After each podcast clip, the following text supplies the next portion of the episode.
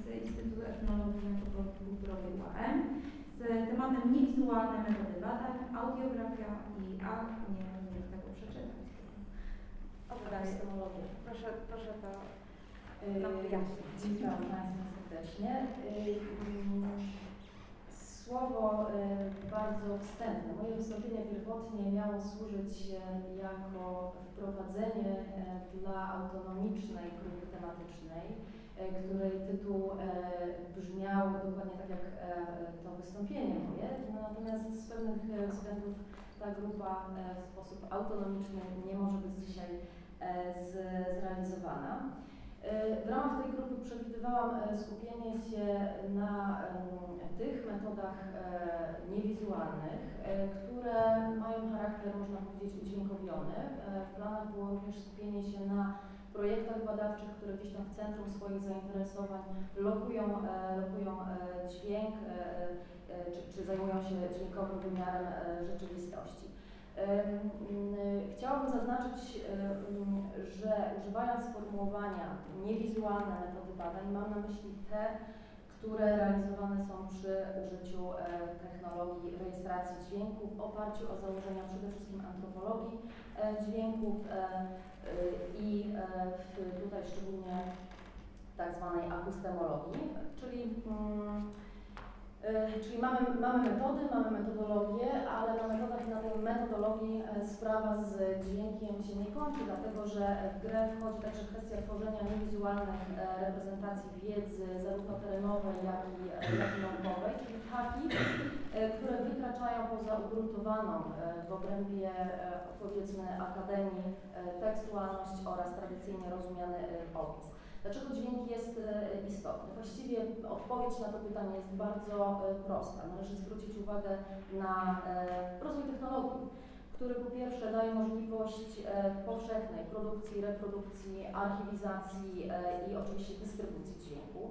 Po drugie, przyczynił się on do dezintegracji granic czynionych pomiędzy muzyką a dźwiękiem. To jest e, taki proces, ta dezintegracja dokonała się nie tylko i wyłącznie w obrębie akademii, ale także e, dzieje się, e, dzieje się na poziomie takim potocznym.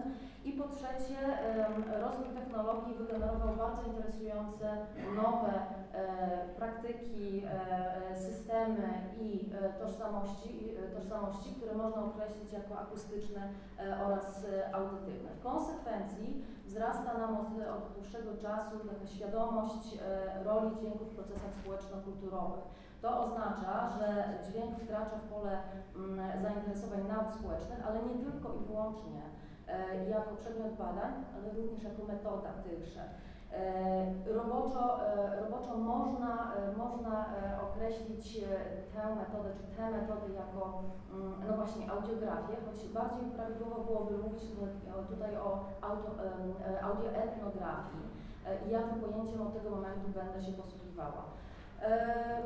W praktyce tak, to wkroczenie dźwięku w pole zainteresowań e, nauk e, społecznych oznacza, że klasyczne pola badawcze e, eksploatowane przez nauki społeczne okazało się mieć e, właśnie ten dźwiękowy wymiar, czyli mogą być badane z uwzględnieniem tego, tego wymiaru e, dźwiękowego. E, żeby podać takie najbardziej, no właśnie, klasyczne przykłady.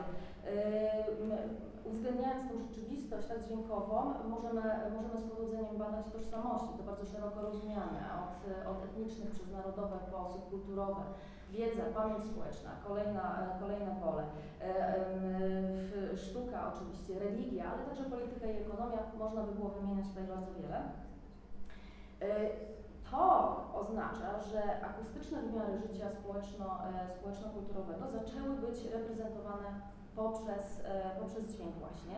Dlaczego? Dlatego, że tradycyjny opis e, jest absolutnie niewystarczający tak? wobec tej wzmożonej produkcji e, dźwięków, e, wobec procesów informatyzacji, procesów digitalizacji bardzo różnych obiektów kulturowych, a także wytwarzania się różnych manifestacji tak?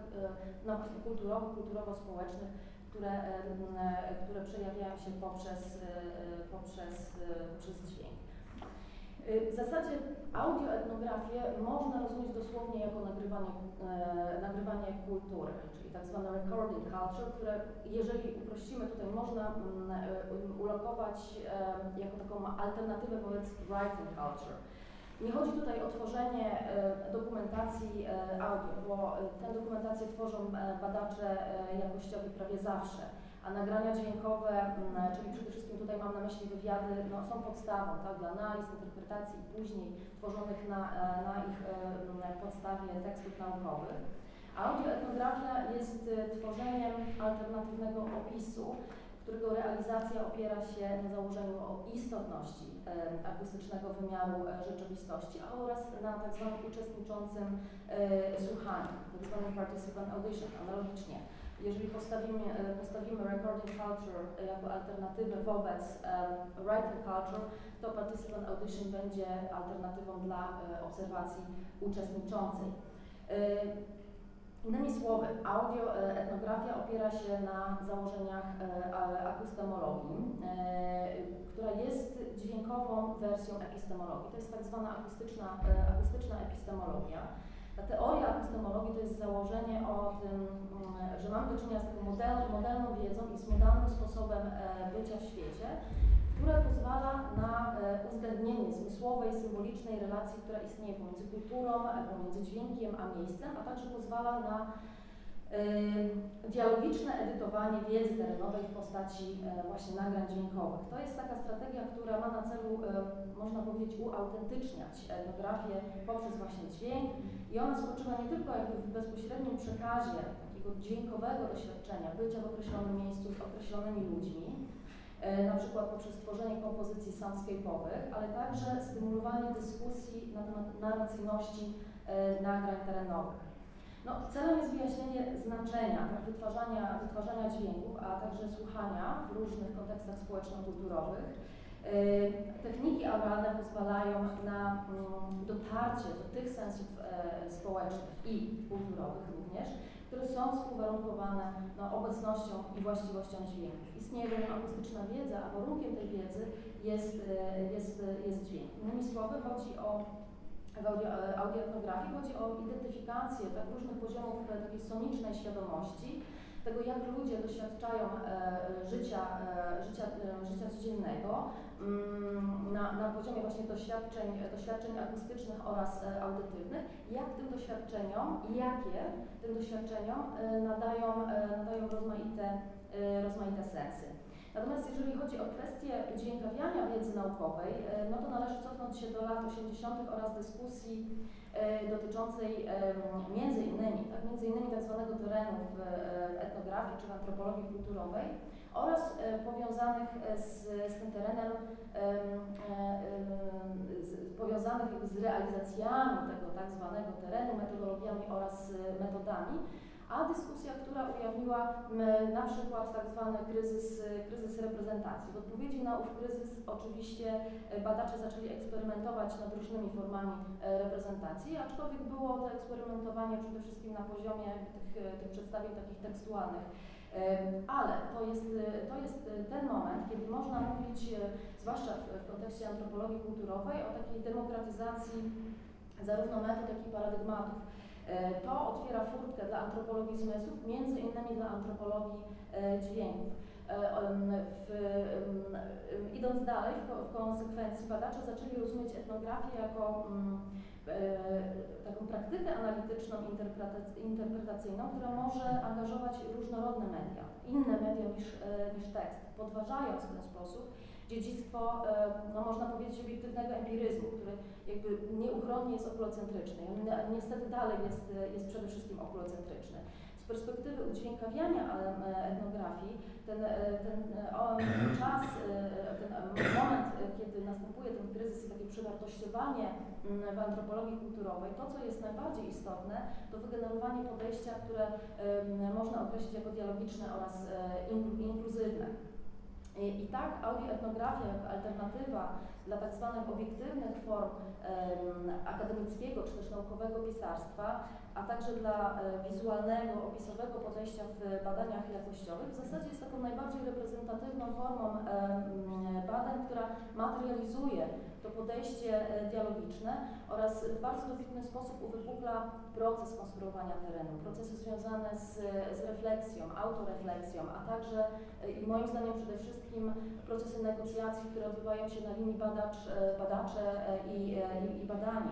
Dodatkowo te reprezentacje dźwiękowe przez, przez swoje właściwości zwiększa potencjał docierania, docierania właśnie takiej wynegocjowanej, dialogicznej wiedzy do szerszego środowiska, nie tylko akademickiego, ale też tego, które jest zlokalizowane poza nim co ważniejsze e, do samych e, badanych. E, tutaj trzeba podkreślić, że poziom, poziom współpracy i jakby rozległość negocjacji tych reprezentacji dźwiękowych jest dalece bardziej złożony i bardziej angażujący badanych. To, audioetnografia jest tutaj nieporównywana w zasadzie z innymi metodami. No, nie ukrywajmy, że dostęp badanych do mechanizmów tworzenia reprezentacji tekstowych jest raczej znikomy, pomimo e, tak tej rzeczonej dialogiczności czy jakiejś poli, e, polifonii. No, przykładowe metody autoryzacji e, tekstów stosowane są niezwykle, niezwykle rzadko. E, w przypadku tych reprezentacji dźwiękowych, które jakby z założenia mają charakter, który mają charakter taki dehermetyzujący wiedzę naukową i dostęp do nich jest znacząco bardziej otwarty, jeżeli cały czas uwzględniamy oczywiście rozwój technologii, chociażby tak dostęp tak, e, poprzez internet do tych, e, do tych reprezentacji, no to ten dialog, negocjacje, współpraca, one są absolutnie nie do uniknięcia tutaj. To też jakby powoduje, że mamy do czynienia z sytuacją, kiedy jakby refleksja nad e, adekwatnością tej wiedzy terenowej, a także nad, nad sprawliwością jest, jest tutaj jak najbardziej stosowalna. W zasadzie można, można powiedzieć, że audioetnografia jest takim dosłownym wytwarzaniem wiedzy poprzez dialog, dosłownym wytwarzaniem reprezentacji, które no właśnie są wielogłosowe, są, e, są, wielo, wielo, e, są polifoniczne. Oczywiście każda metoda e, badań no to jest proces konstruowania hipotez, tak, wyciągania wniosków, to jest analiza i interpretacja. Natomiast to, co czyni ją oryginalną, no to jest, to jest no, jej zadaniem jest wytworzenie bardziej dostępnych i tych wy, wynegocjowanych interpretacji rzeczywistości.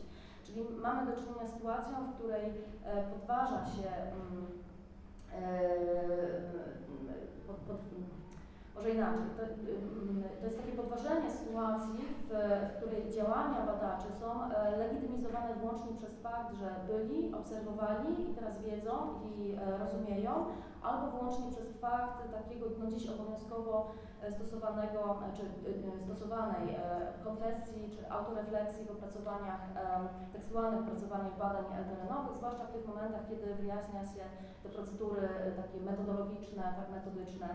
Oczywiście bardzo naiwnym byłoby twierdzenie, że audioetnografia jest jakimś prostym odzwierciedleniem rzeczywistości. Absolutnie nie. No, reprezentacje dźwiękowe, podobnie jak teksty naukowe, no, podlegają szeroko rozumianym stylizacjom, estetyzacji, zawsze gdzieś tam mieszczą się w określonych paradygmatach. Natomiast y, bardzo interesujące jest to, że audioetnografia uwzględnia no nie tylko narrację, czyli tak zwane gadające głowy, mówiąc brzydko, ale też kontekst, y, do którego odbiorcy mają znacznie bardziej bezpośredni dostęp. Y, Paul Stoller, Stoller antropolog zmysłów, w książce, która została wydana pod koniec lat 80. o tytule The Taste of the Photographic Things, wskazuje na to, że właśnie ten dokument audio e, pozwala wyjść poza wzrok, tak, który ma tą uprzywilejowaną pozycję w, w, w akademii. Innymi słowy, pozwala e, odbiorcom niejako usłyszeć kulturę w praktyce, usłyszeć, doświadczyć e, środowiska, które są badane.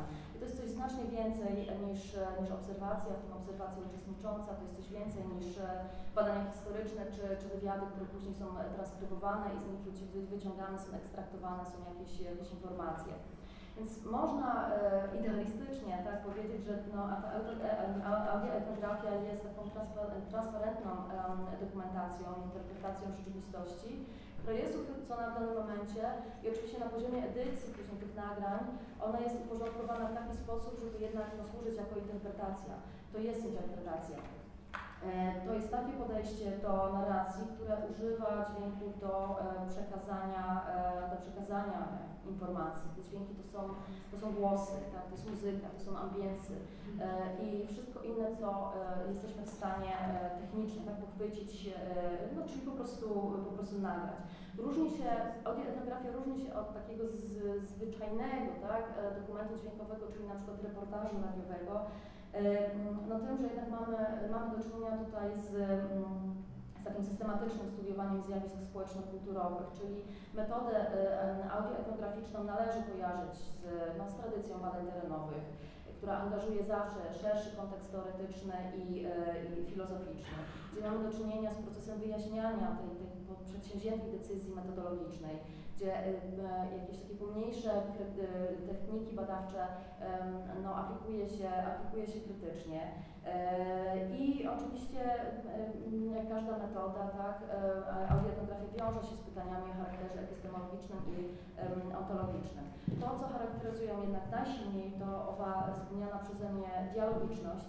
To nie badacz ani badane są ekspertami, e, ale rozumienie tematu wyłania się w rozmowie, dyskusji, dialogu, a i potem również w proce- w procesie, e, mówiąc technicznie, e, postprodukcji nagrań dźwiękowych. To jest wymiana, wymiana informacji, a nie ekstrakcja od informatorów. To jest moim zdaniem taki sposób na humanizowanie reprezentacji, w których e, przemawiają e, realnie istniejące głosy należące do konkretnych ludzi, e, a także dźwięki, które są obecne w konkretnych miejscach e, i w, w, w, konkretnym, e, w, kon- w konkretnym czasie. E, I to by było na tyle. To był wstęp do, do, dwóch, do dwóch wystąpień dwóch osób, które reprezentują okrojoną grupę e,